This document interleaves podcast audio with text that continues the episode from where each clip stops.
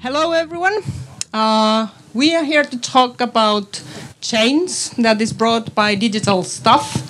And uh, I would first like to ask you a little thing. So, how many of you using mobile to watch Instagram and Facebook and TikTok and something else? So, if you do, please raise this kind of green paper that should be around there, or the green one, that one. Very good. I can see that many of you, you do, do that. So, how many of you were able to read a whole book in the summer holiday so that you really concentrated on it and you got into the flow? Ah, I like this one. Because I was thinking that we might have seen these ones. because there is um, some research that uh, using a lot of digital stuff might break your attention and it's a lot harder and harder to really concentrate on stuff. And these kind of things we are going to talk with our panelists here. But just before i go into that one i will show two other ones that there should be. If you don't have there on the table, if you have a question in between, you can raise this and we can already ask a question before the question time. And uh, also, if you are really happy with some of the panelists, what they say, show them that this is catchy. So we get you a little bit on board. And now I will introduce the panelist. And on the back end of these um, papers, you have QR codes. So you can fiddle more with your mobile. Um, we have Mart Laanpere here with the yellow one. And uh, I'm really impressed of what Mart has been doing. A long history on education and different kind of educational platforms. And he managed to do something that Finnish people didn't manage to do. I come from Finland, so that's why it's also in English. My Estonian is so bad at the moment, but it will improve. You managed to see what goes wrong in Finland and just take the good parts in here. So you made it. So if you want to see the platforms and stuff and a little bit more on Mart, scan on those. Then we have uh, Ingrid Henriksson, the green one. And uh, she's also from Tallinn University, an expert on enterprise relations. And they have also have a big change with the digital things. Uh, an adapter called. It's a platform where we can match academic research and uh, company interest. And she will provide different views on that. And you can check yourself if you want the adapter and Ingrid's profile. And uh, then we have um, Hille, uh, and uh, it's the red one. And uh, she is, now I have to look a little bit on my notes because I want to say everything correct.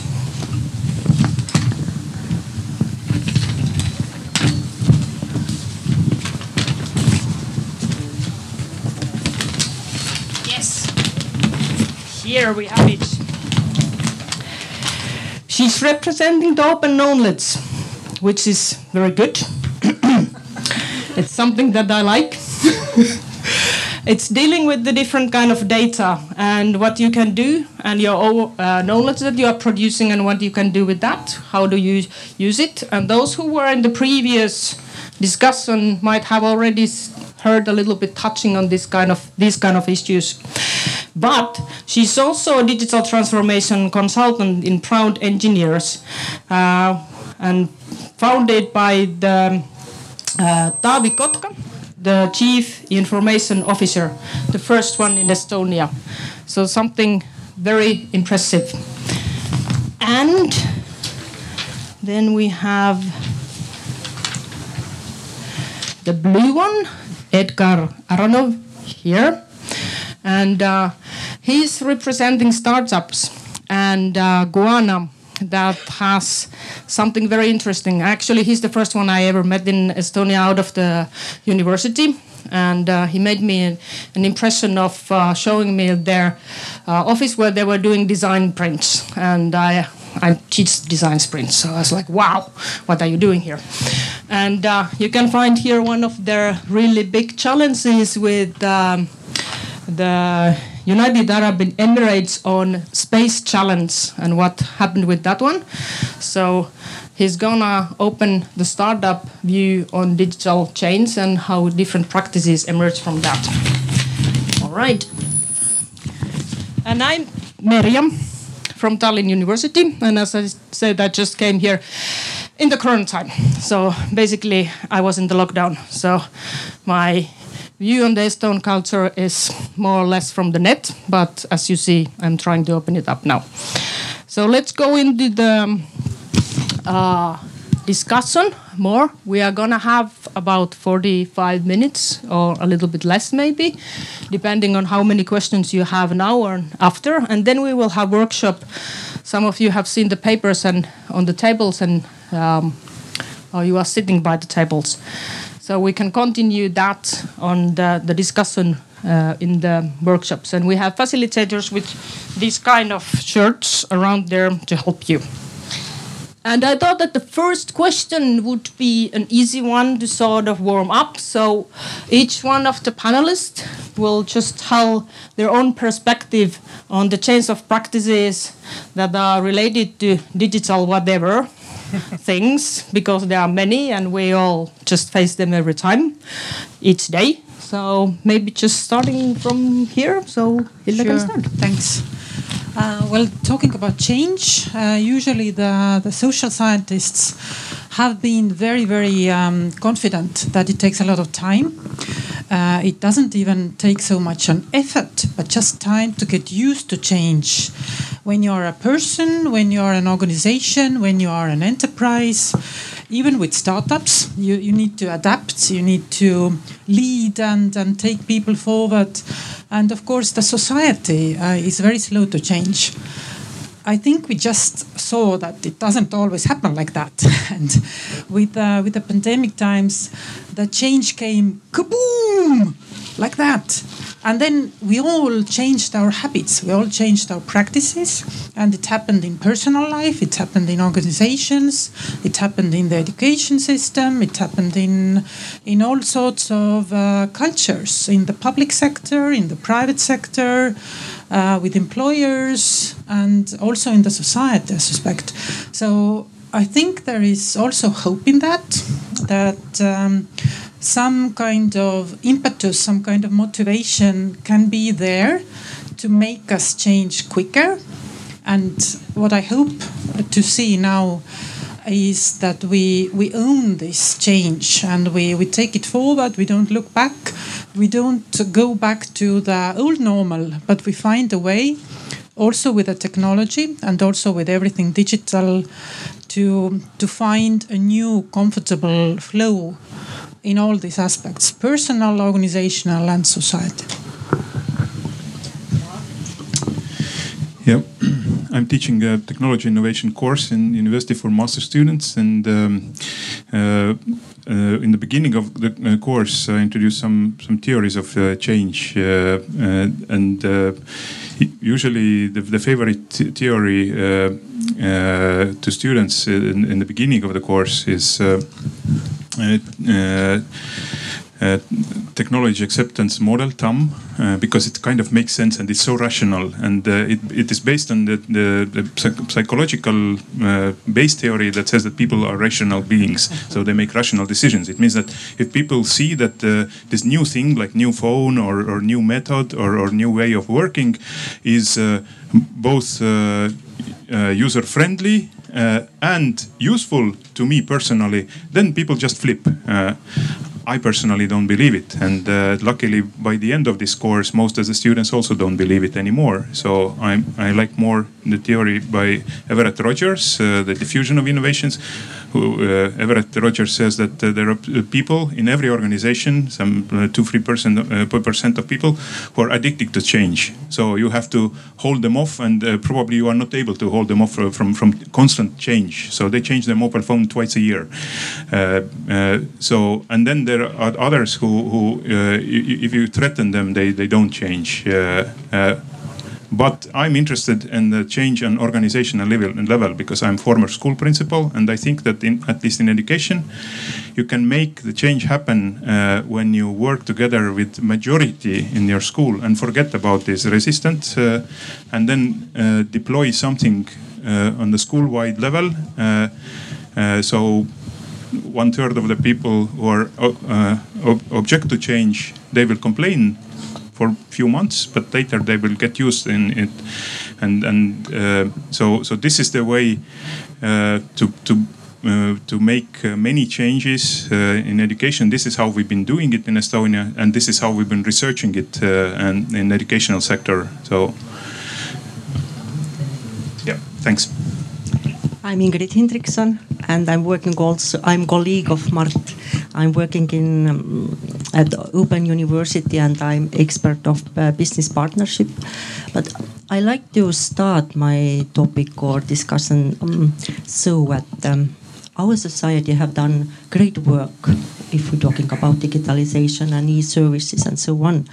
We we have very high positions in the ranking of uh, competitiveness and um, human development uh, and digitalization. We are top of world, but same time something wrong because uh, if we're talking about um, satisfaction of life or happiness our uh, results of uh, uh, reports are not so good. We have a bad pos position in this field, and I feel, uh, and uh, I think that we feel, uh, we see here a huge contradiction. So, um, Tallinn University has goal to be as a, a promoter of intelligent lifestyle of citizens and uh, all our development activities are focus of human being even if we're talking about technology if we're talking about in, uh, um, uh, technology revolutions or uh, new paradigms we always focus of human being because it's we do all it for human being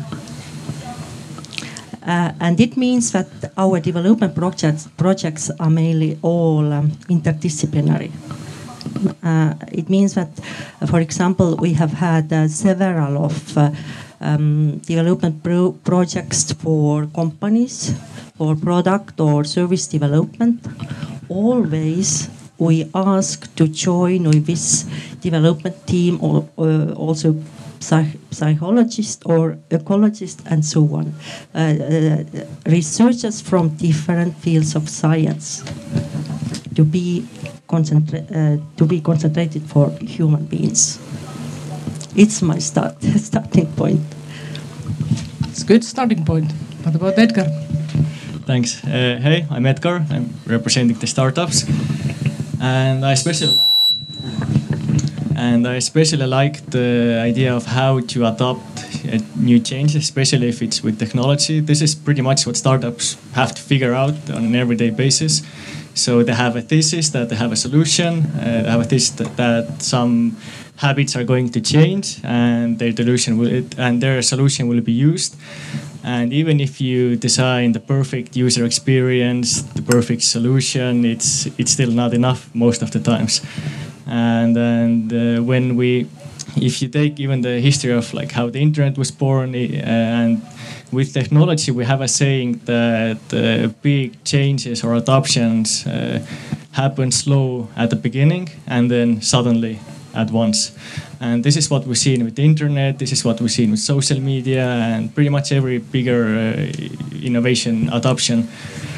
And facebook also is a good example that that when they started off, it is uh, before Facebook there was MySpace, there was Orkut, and they all started off a bit slowly, and then came Facebook, and it took over pretty much everyone. And now almost uh, almost most of the people are are Facebook users.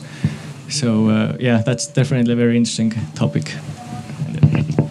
Right, I think that uh, all of you had in common of bringing the human being in, into the center, and uh, um, I very much like the contradiction you brought up, because I, I think that we are in the rupture of the technology, and I have heard a really nice metaphor from a brain researcher uh, who said that.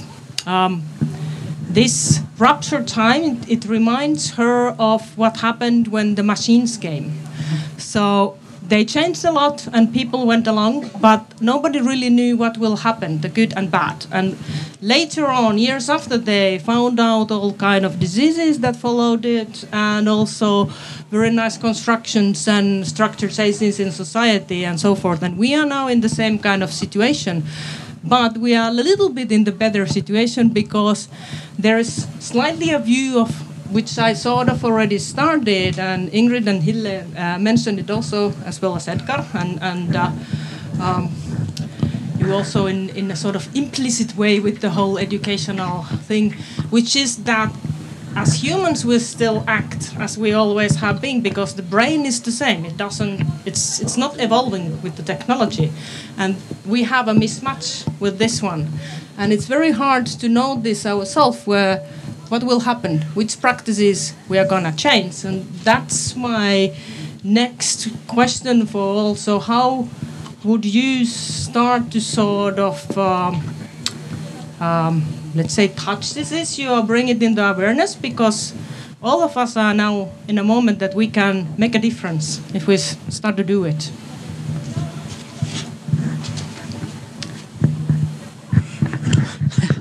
it's uh, um, I'm just thinking how to how to frame this uh, this issue or these these dilemmas, and um, uh, as I'm coming from the open knowledge community and we are fond of data and, and using data, having it open uh, access to everybody, then I took a look at the usage figures of our Estonian ID. And the figures uh, in February, for example, and then in March and April. And in Estonian society, everybody has the, the one and the same unique ID, whatever means, whatever carriers they are using, it's not important. Is it smart ID? Is it uh, in the in your cell phone? Are you still sticking the um, the chip cards um, into your laptop? It doesn't really matter. But the usage figures of these means went up like woo, like uh, our hopes for the pension funds. So the, the graphic is really, really amazing in that sense that yes, this is the normality for Estonian society. We all have these in our pockets or in phones, but we we were still lagging behind of the everyday regular usage of this kind of thing. For example, giving digital signature, which is easy as it is, but we, we know that not all of the young people, sorry, but uh, we, we know that the statistics in the younger generation are not that rosy at all, giving digital signatures or even going to vote with the digital means. And now, when we found that we are stuck and we we don't um, want to go to any of the police boards, any of the employment offices, or you name it. We just took out these cards or mobiles and we started using them uh, in very large numbers. So that means the behavior changed almost immediately eh, over a couple of months. And what I'm saying is, yes, sometimes we are sorry to say, but we are lucky to have this kind of crisis or this kind of impetus. But it also means that um, we can do this, we can make this happen, we can adopt a new service, we can adopt um, uh, or start to be a customer of the new uh, startup solution that is provided for us. But um, uh, it, it isn't only about one solution or one service. The, the readiness must be inside us. And with these figures, I'm, I'm trying to demonstrate that this readiness is there. so it's, uh, it's, uh, it must be tapped into, it must be supported, And of course, the change uh, needs all kinds of buffering. For example, for it to be steady, probably a lot of things need to be need to be done by the governments, by the enterprises, by the startups, by the people themselves. So it doesn't stay as a given, but there is definitely a way to make it permanent. If you don't have anything with with the young people there, how many of you changed your practices? Started to use your mobile ID and, and signature more? Used them before. Used them before. Good answer. Any other? Good. yeah. Yeah, I have a few things to add. I completely agree, and we had. Uh, we had a pretty good example. Uh, we felt a pretty good example ourselves too in our company.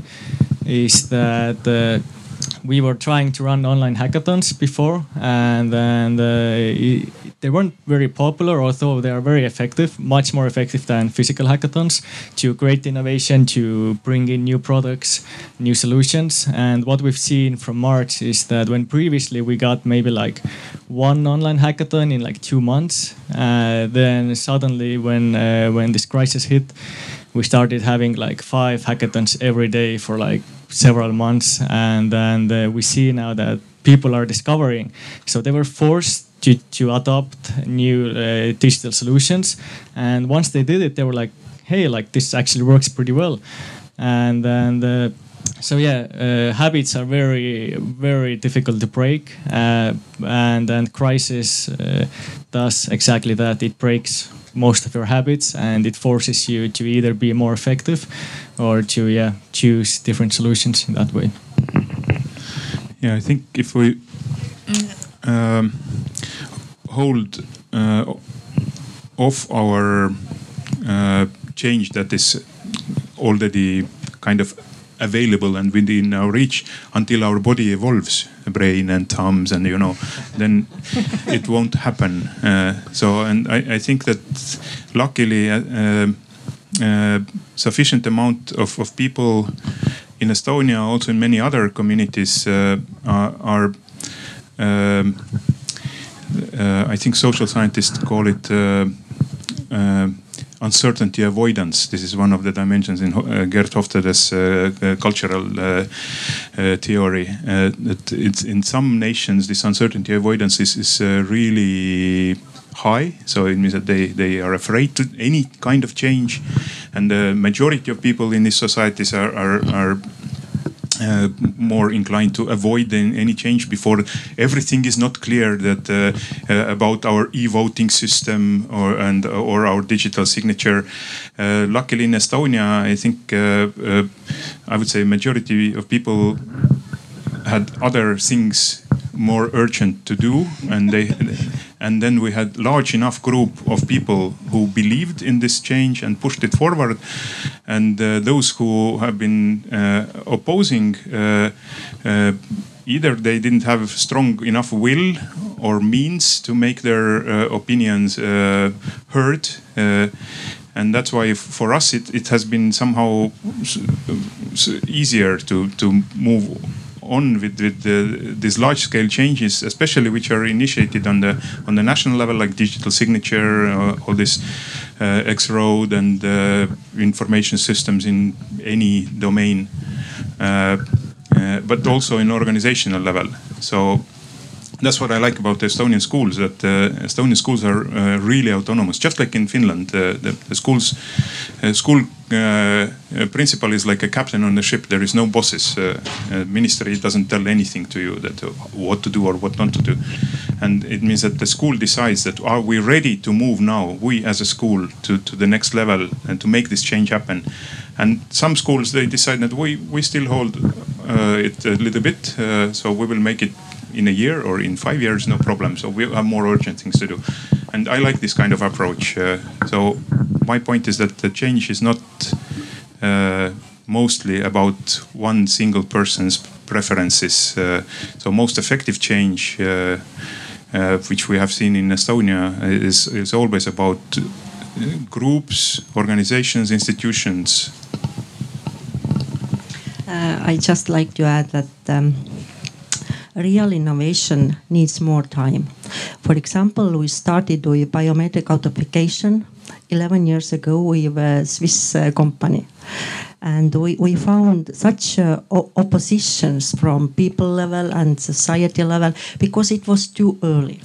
Now, after 10 years, 11 years, we we using um, biometric uh, passport. We're using uh, uh, our, our university um, verification in uh, online courses and examinations.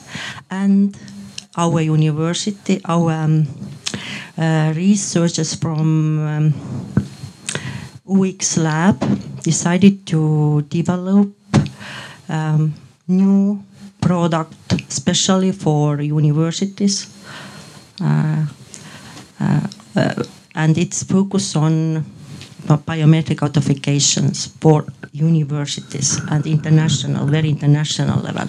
So now we are ready. It takes 10, 11 years.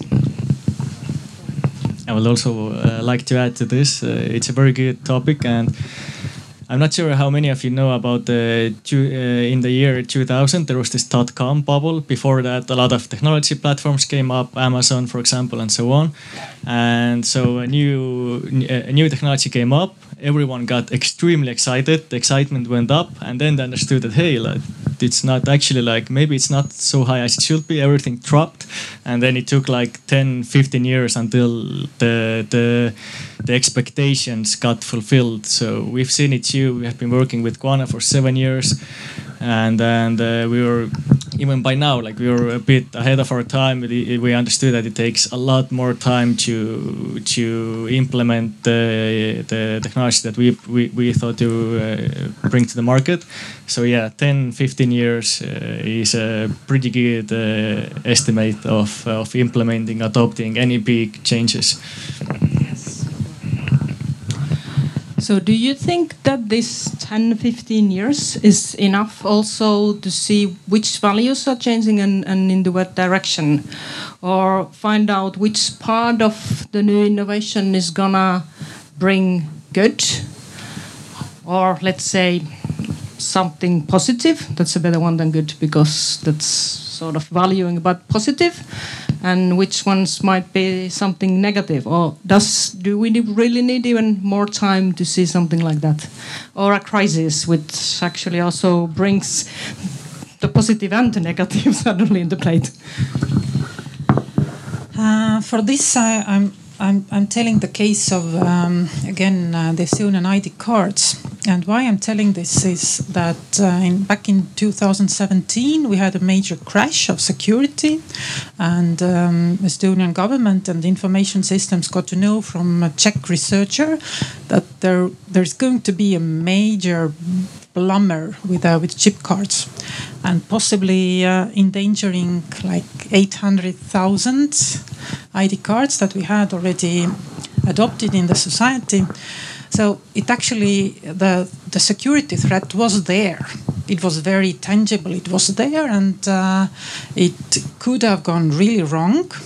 But what helped to address this crisis was the um, First, it was the engineers or the technological cybersecurity experts. Luckily, we do have them around here and in the international community.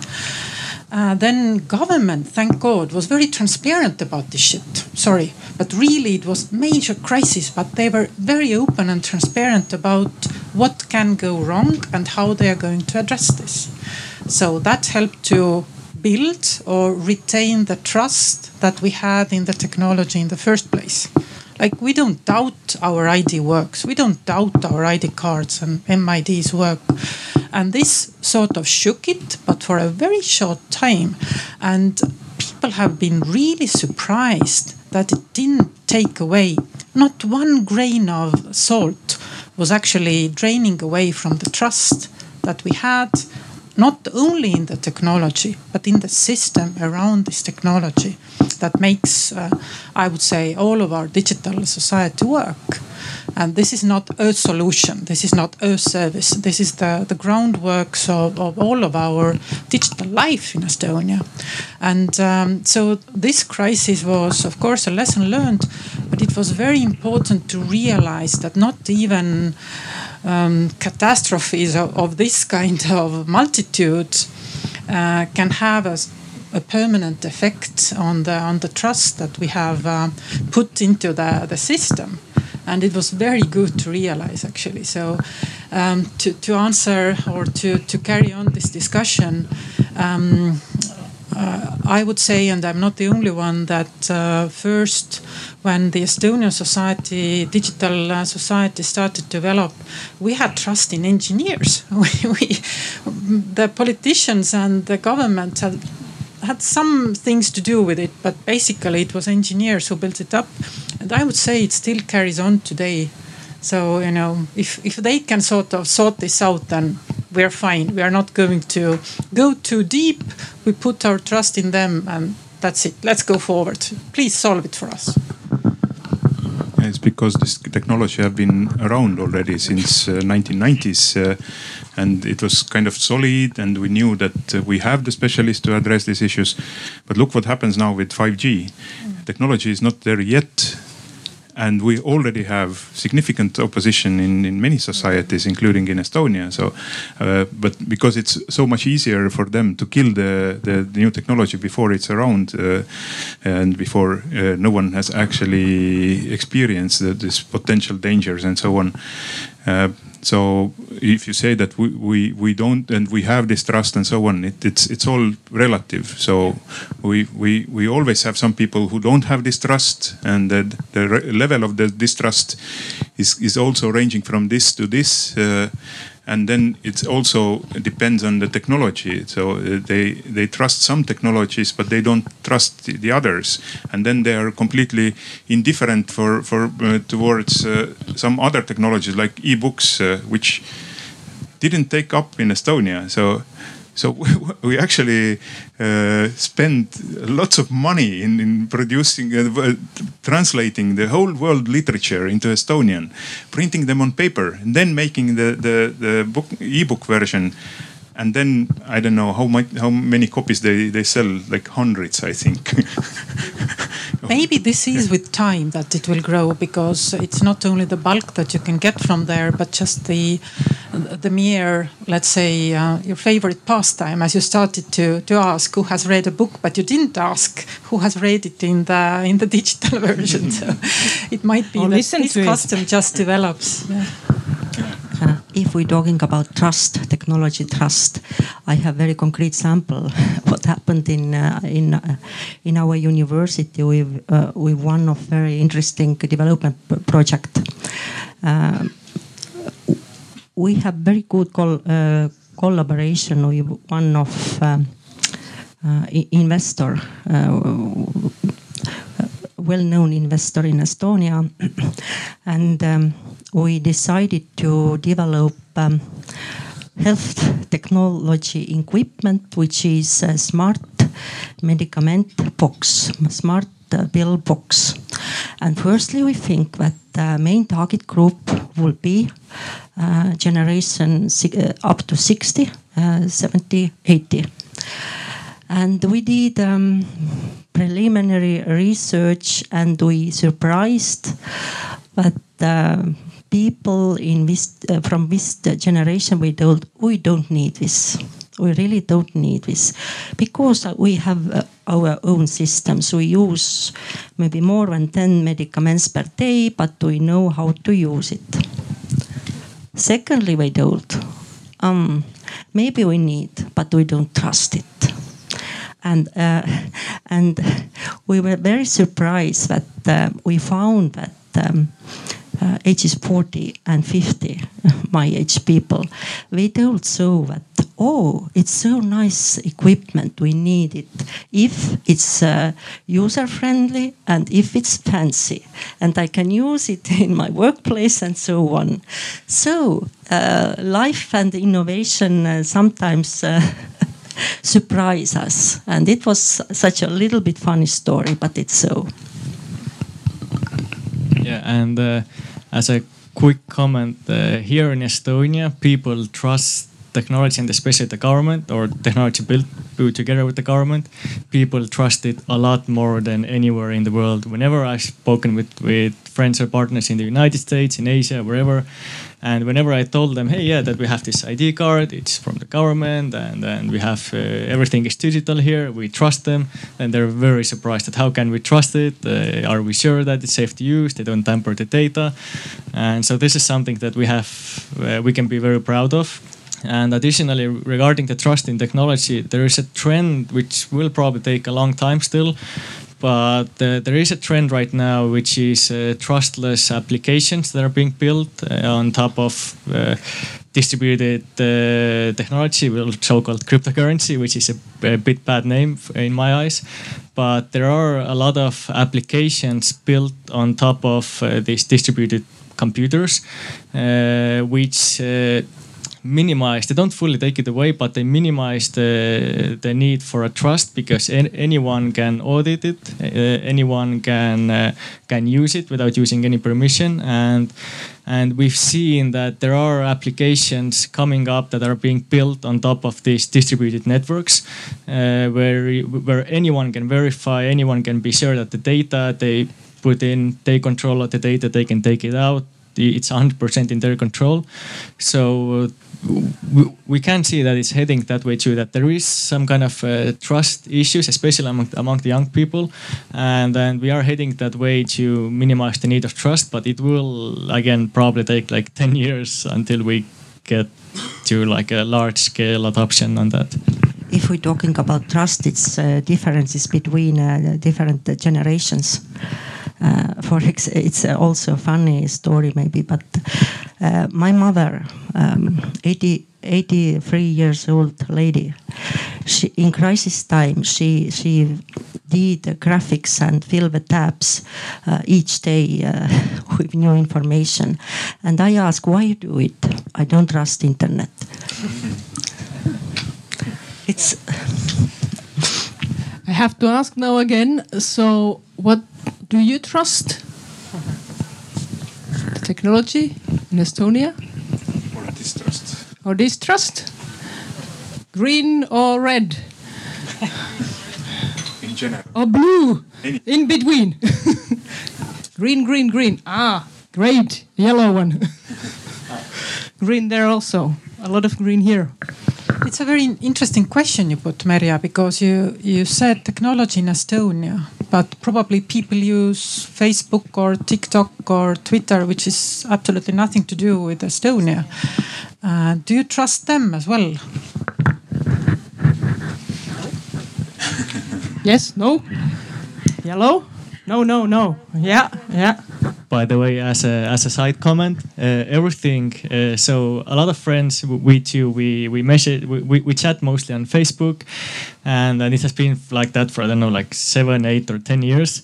But just as a side comment, everything you write there will be theirs at like 100 years later too and, and so it's a, it's it's actually if you think about it it's a, it's a pretty delicate data that you are leaving to another company that has uh, uh, like business uh, business comes first principle and then that data the things that you wrote like 10 years ago with your friends which can be quite embarrassing all of that will stay on their servers at all times. And even if they get hacked or they decide to sell it or something, then yeah, that can have a large impact on any one of us. And and I hope it won't happen, but uh, there is a non-zero chance that uh, something bad will happen with the data. I repeat uh, for myself very often that please don't uh, uh, lose yourself uh, among of digital waste, and it's very problematic. I think we lose ourselves if we're using too much such such uh, me, uh, media possibilities. I had something uh, related to the trusting and uh, the other applications that, uh, as we heard, we might not trust everything and we should not. it's related to also what Edgar was describing on, on sharing, sharing the development and the design, but uh, also the building of trust. So my next question is, do you think that what Estonia is doing, it's enough incorporating the citizens, the, the young and others who are actually going to live in, in the thing that we are building in, into the actual practices of doing it now? Uh, first of all, the good news and the bad news is that most of it has already been built. So what what can be done is is sort of tweaking and and yes, definitely. Um, from from the data usage point, I would say this aspect hasn't been covered really well. so the the more we we talk and we learn and we we set very distinctive um, processes to use data, including personal data, and, and to to make it possible for reuse for anyone else like me, my data, and if I want, I give it to my general practitioner, I give it to my school principal, I give it to my university administrator for certain purposes. I, I don't, I don't have absolutely no need to spread it around the whole society and make it so open that everybody can use it, but to to have very um, concrete ways, secure channels and then modes of, of sharing my data for my own benefit. I, I don't think we are there yet. And uh, when people know the word consent, then this is behind it. Uh, the consent in a moral way is that I decide who is going to be the user and handler of my data but there are a lot of legal and also technical obstacles to it right now. So mm, this is my perspective on the things that um, uh, I hope to to see moving along uh, and, and making this change possible in our society and, and globally as well. I think it's really important to to take care of the, the next generation and to teach them these kind of things, but not in an abstract way, uh, like lectures about uh, IT, intellectual property laws, and so on, but uh, through practical cases. Uh, so that's why I'm really happy that I, I, I uh, belong to a task force group that uh, introduced a new informatics curriculum for, for high schools in Estonia. Uh, uh, two years ago. And last year, 2019, we managed to pilot it in uh, 10 schools. And this uh, is is uh, this this new program is suggesting that uh, instead of this individual uh, research project that every student has to do in the end of high school in, instead of one national exam, uh, they they could do a software uh, hackathon which lasts whole year but uh, it means that not all of them have to be able to code, but they have to work together with a coder, uh, or they can do it even with with no code prototype, uh, with with uh, prototype building applications, you know, uh, clickable prototype. But it's they they need to see that that how these applications are built uh, in the user-centric way, in the kind of design-oriented way, and uh, and then it uh, they can see that this is uh, something that maybe they also can do in, in the future, and uh, through that they also are introduced this uh, the, the, quite complex uh, uh, concepts of uh, licensing, for instance, and security on very shallow level, but still they, they, they get into this hands-on, maybe in the role of designer, maybe in the role of tester or, or, or communication uh, uh, person in this uh, software team, but they actually develop the real prototypes, and the kids seem to like it. Uh, we have uh, uh, nice online textbooks available, which are constantly improving for for all these five subject areas like programming and design and testing and software analysis and and the, also the, the prof, uh, process, uh, managing the process. So, so I think this is really important, and we need to get also our teachers involved in these projects, like uh, as supervisors, uh, even if they don't have a clue how to program or, or what the programming is. Uh, and and then uh, through that, maybe next generation will have better understanding of, of these threats of the digital world in the future. That was exactly what I was going to ask you. Do you think that it builds all the, the critical eye so that when they are doing themselves, they learn also to sort of see what might be positive and what might be negative, which which way they would like to go when they are already as kids, they are able to see some of the stuff and build it themselves. We hope, of course, it's uh, at large. It depends on the, the really good supervisor. So we try to engage supervisors also from industry, uh, from startups, and so on, and we, we to to make them connect and, and being like a mentor at the side, not not having too much workload. Uh, uh, but in general, if you throw young people into this kind of uh, challenge, uh, many things can go wrong, and many things will go wrong. Uh, and usually, young people learn from when something goes wrong. So we, we hope that because in the most of the, the, the uh, today's formal education uh, is about avoiding mistakes. Uh, uh we kind of throw them in in the situation where uh, they, for sure, guaranteed, will make hundreds of mistakes, and we hope that they will learn from them.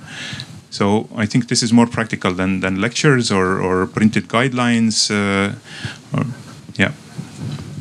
I think in our society we have become a little bit intolerant um, of experimenting and I'm, I'm very glad to hear that in the in the school system it's it's still very welcome and of course the startups will will never do without it. Uh, it. it goes without saying but it, it might be that in in the large scale exactly because of the reason that we have the building blocks and everything seems to function pretty nicely we are a bit uh, wary of experimenting and then bringing in new insights so it's a, it's a very soft challenge. I would say it's it's not a big deal. It's not a big problem, but uh, to to be more open to go absolutely the other way with the design of a solution or a process, digitally enabled process, would be totally fine for me, even in the in the public sector.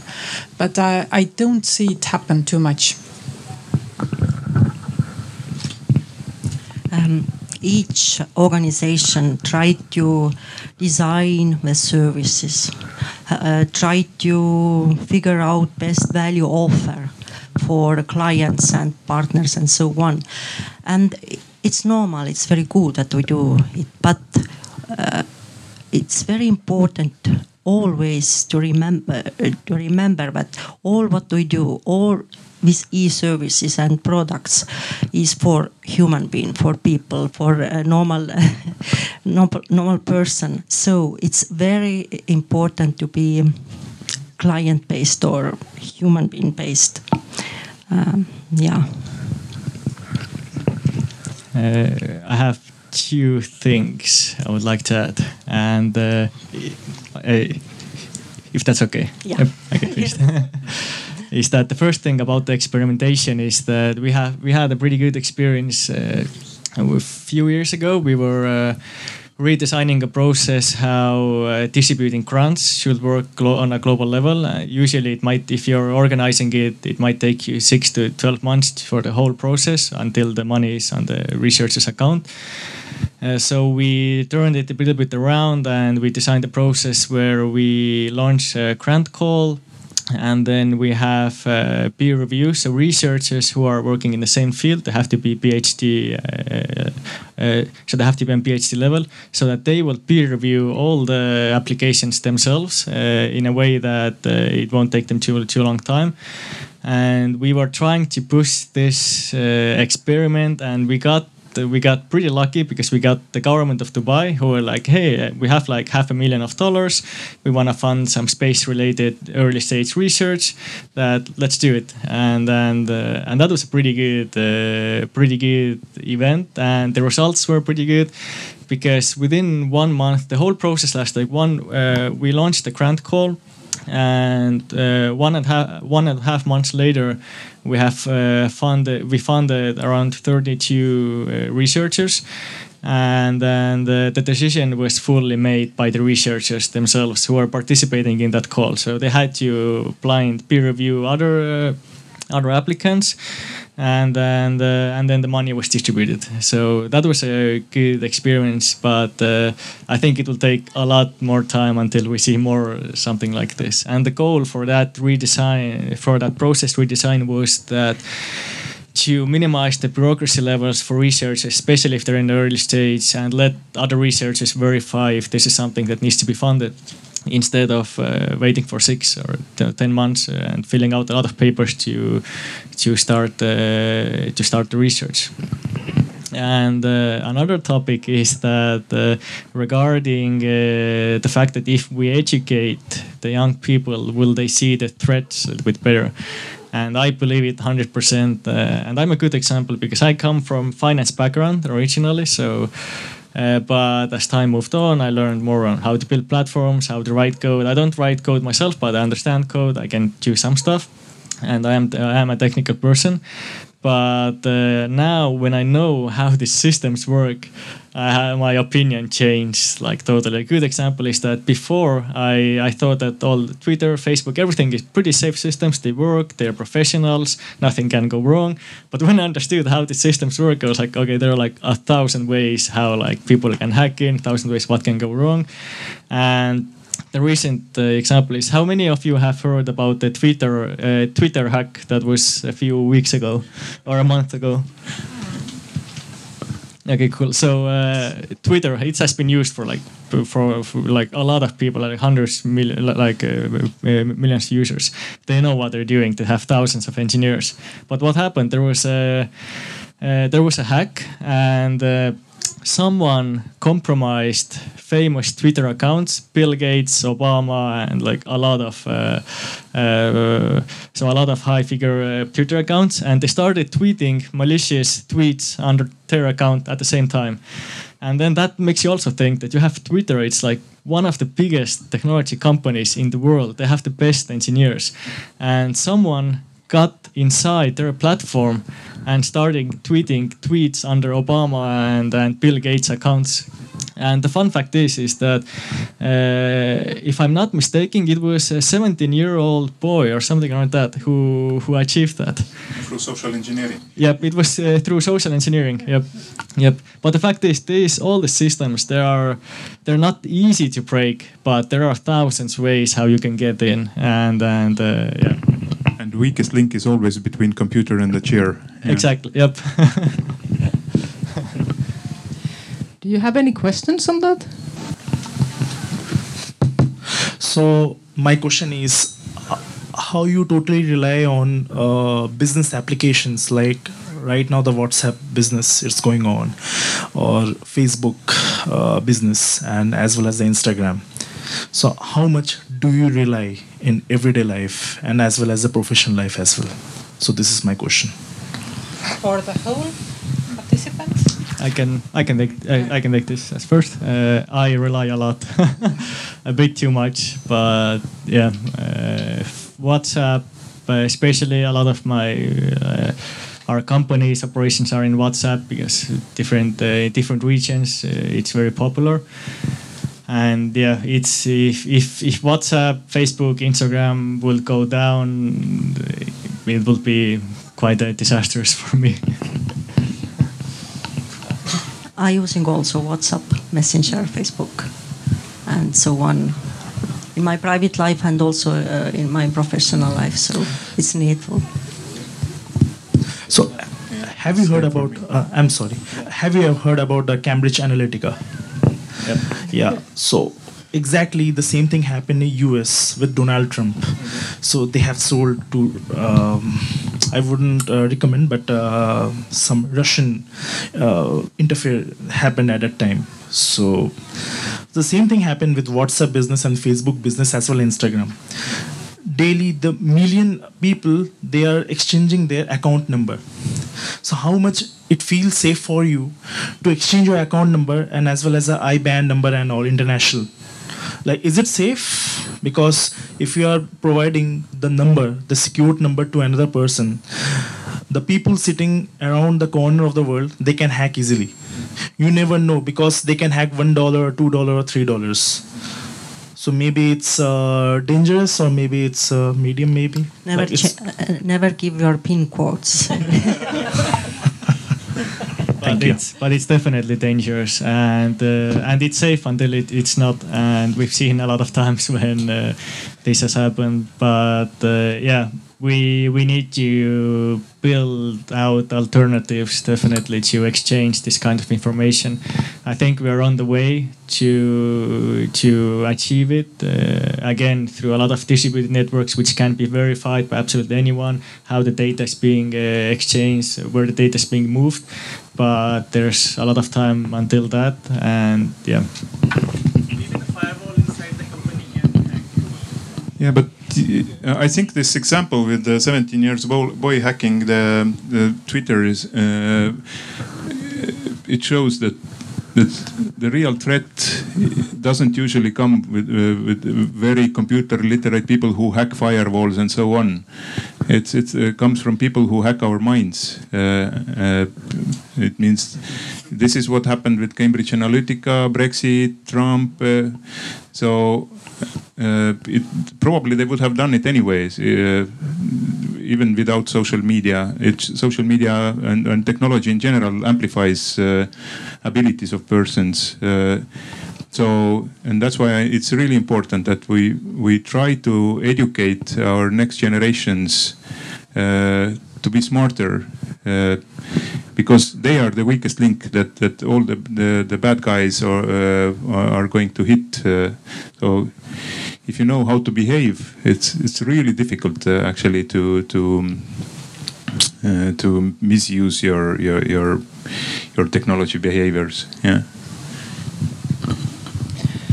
I have another question uh, going back to the data thing because um, you mentioned something that we have been doing also in, in Finland with uh, trying to educate the, the young people to sort of take hand of their own data. And uh, what we found out there was that it wasn't easy enough. So it needed a lot of help to be handled. So my question to all of you, and uh, you can ask questions back also, is how much do you know where your data is, and how willing you are to take sort of responsibility of your own data? What are you willing to do to take that responsibility and decide what people or companies or others can do with your data?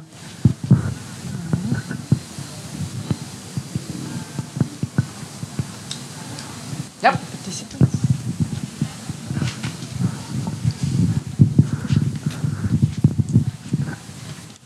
Thank you. Um, I think one thing is that, like all the systems, Facebook and such, they're so complex that you don't really know what's happening. And I've heard like even Google people don't really know how the whole uh, algorithm works. So that's like one thing we don't really know. We just have to have blindly trust. You know, uh, or if you want to communicate, you have to use some kind of platform like you're gonna use post or you're gonna use facebook. Yeah you just have to use something if you want to communicate and be present. So that's one idea. Any other?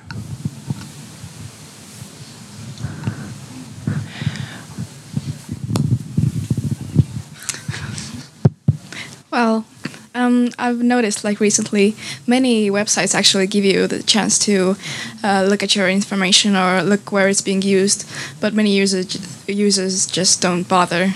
Me myself included. Like I don't have uh, the willingness to check uh, with every site like how my information is being used. I just trust. I hope it's not being misused, but I can never be like sure. And the biggest lie in the history is i have read the terms and conditions you know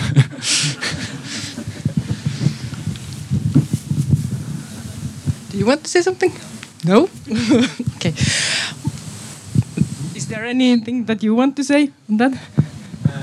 no, uh, maybe one like a fun maybe uh, a fun experience is regarding the terms and service. Uh, we will build. We were building a platform for researchers, and and uh, when we first launched it, we sent it out to a, uh, to a few groups of scientists, and we asked them, "Hey, what do you think? Could you play around a little bit?" So like 15 20 minutes passed by we asked them hey like how is it going and then they answered hey we haven't finished the terms and service yet so once we finish that then we'll let you know so there are some people who are reading terms and service and but yeah most people don't I have a maybe thought from uh, other perspective because well now everything is going digital but if we think back a little bit 20 30 years we still gave out a lot of data when we were born. There was data if uh, you got married you give data out.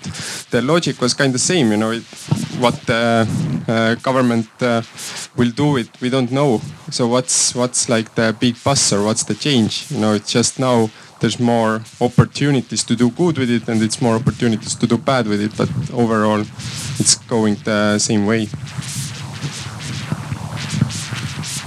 Yeah i think nobody saw uh, his or her own KGB this papka toimik because there was a lot of data about you which you, you were not aware of uh, uh, so but uh, I, I think I've heard uh, many times some, some people uh, really shocked that at uh, yesterday I was browsing some websites on I don't know dogs and cats or, or motorbikes, and now the the every application I open, Facebook or Google, they they show me advertisements, and this is really scary. I don't think this is scary. I'm happy to share with Facebook and Google uh, this part of my preferences and then I know that there is other part of my preferences or my history that I don't want to share. Then I know that, that there is an incognito browsing mode. Uh, there are some uh, more secure browsers, and uh, then uh, I, I, think this is this is it. We, what we also try to teach in, in schools now to the kids. Uh,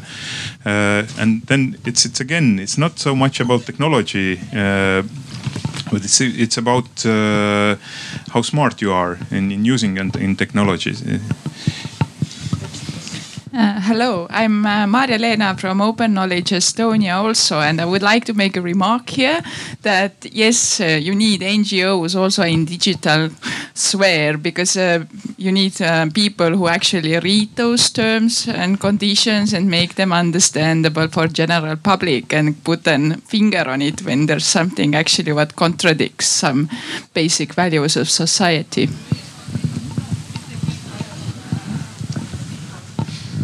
Good comment.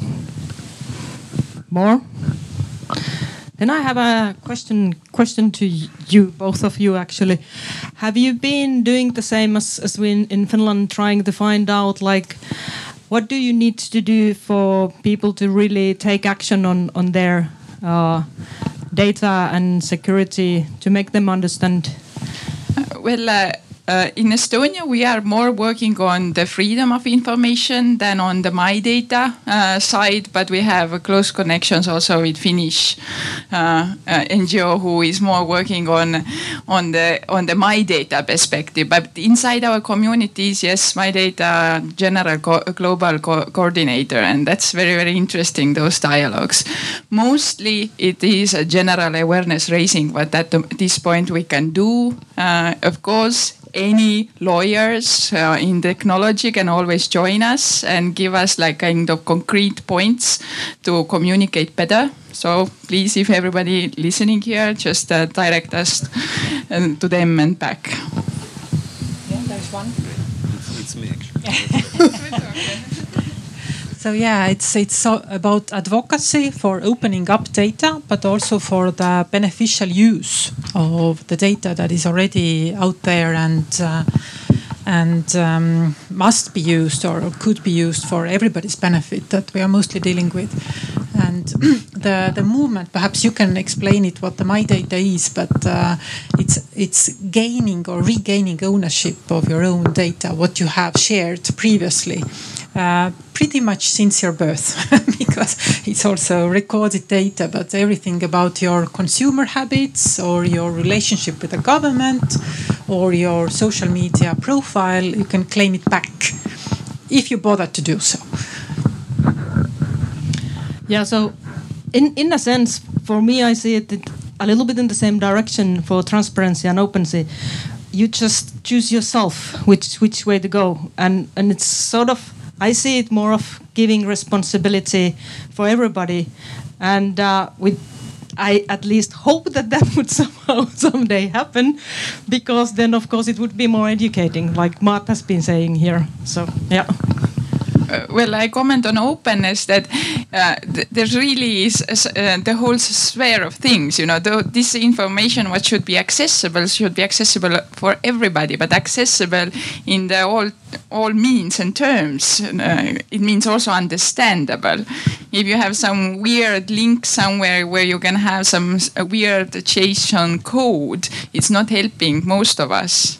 So you need some explanation and some layers of uh, let's call it translation. So if you have very important uh, data in the society, in public sector, in private sector, what everybody should have the access to, we need to, talk about also accessibility in the terms of understanding that data. And here you need a lot of mediators on different levels. And this is something what I, I personally work with bit less with the my data. But the thing is that this um, general data, general knowledge can be very well combined with your data.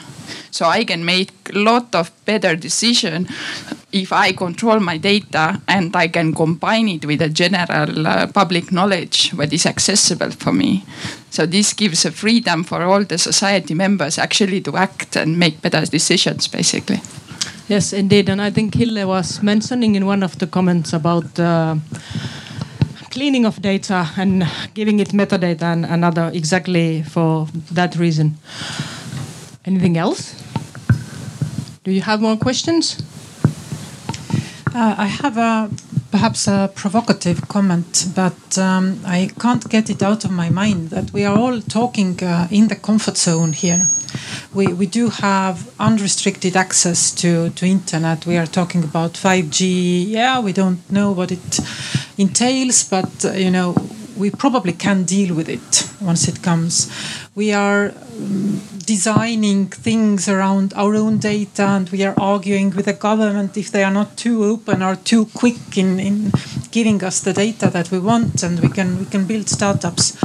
But um, Edgar, you are involved in organizing a hackathon to, to help people in Belarus to get at least some things that they are desperately wanting right now the, the shared access to information.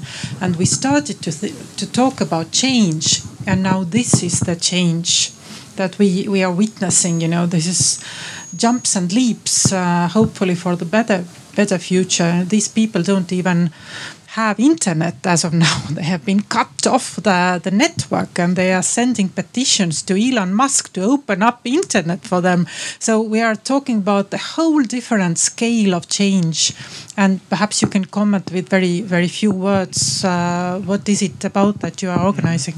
Yeah, so uh, yesterday we launched the hackathon in Belarus, and uh, because of the political instability and and uh, and uh, it got quite popular right away. So the goal of the hackathon was that we have a community here that are in trouble. Their access is being cut off from the internet. Their rights are being uh, abused, and uh, let's jump in and help them around the world, everyone and it got already pretty huge. It, lasts until uh, Sunday, but we opened it up yesterday so everyone can submit digital solutions that will help them, uh, will help their relatives, people who are living there.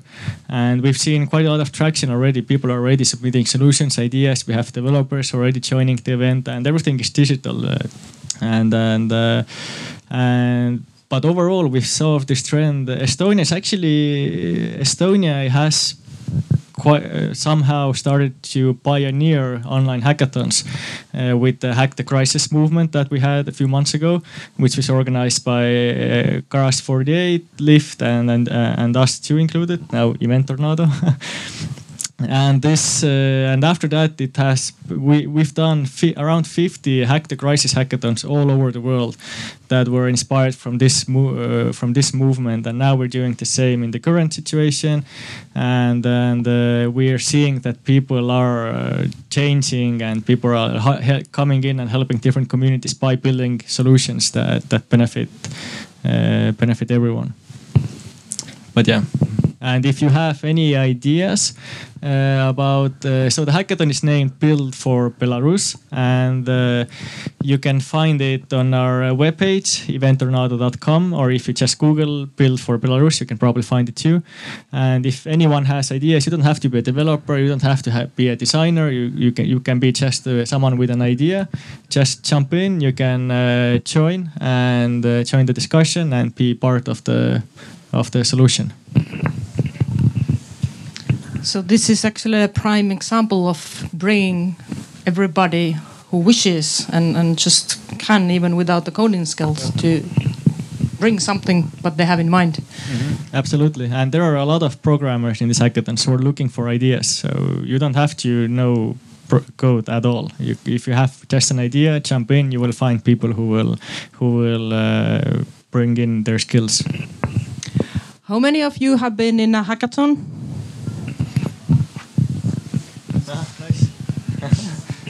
That's very good, to see. What was your experience? Good.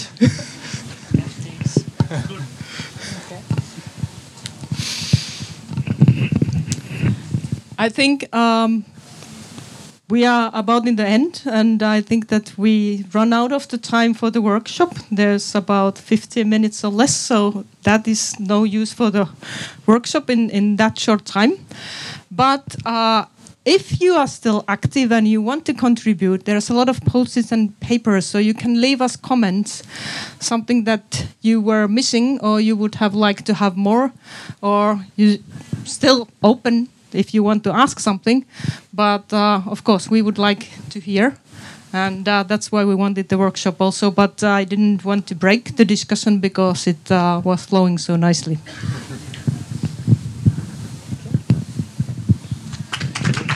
Thank you.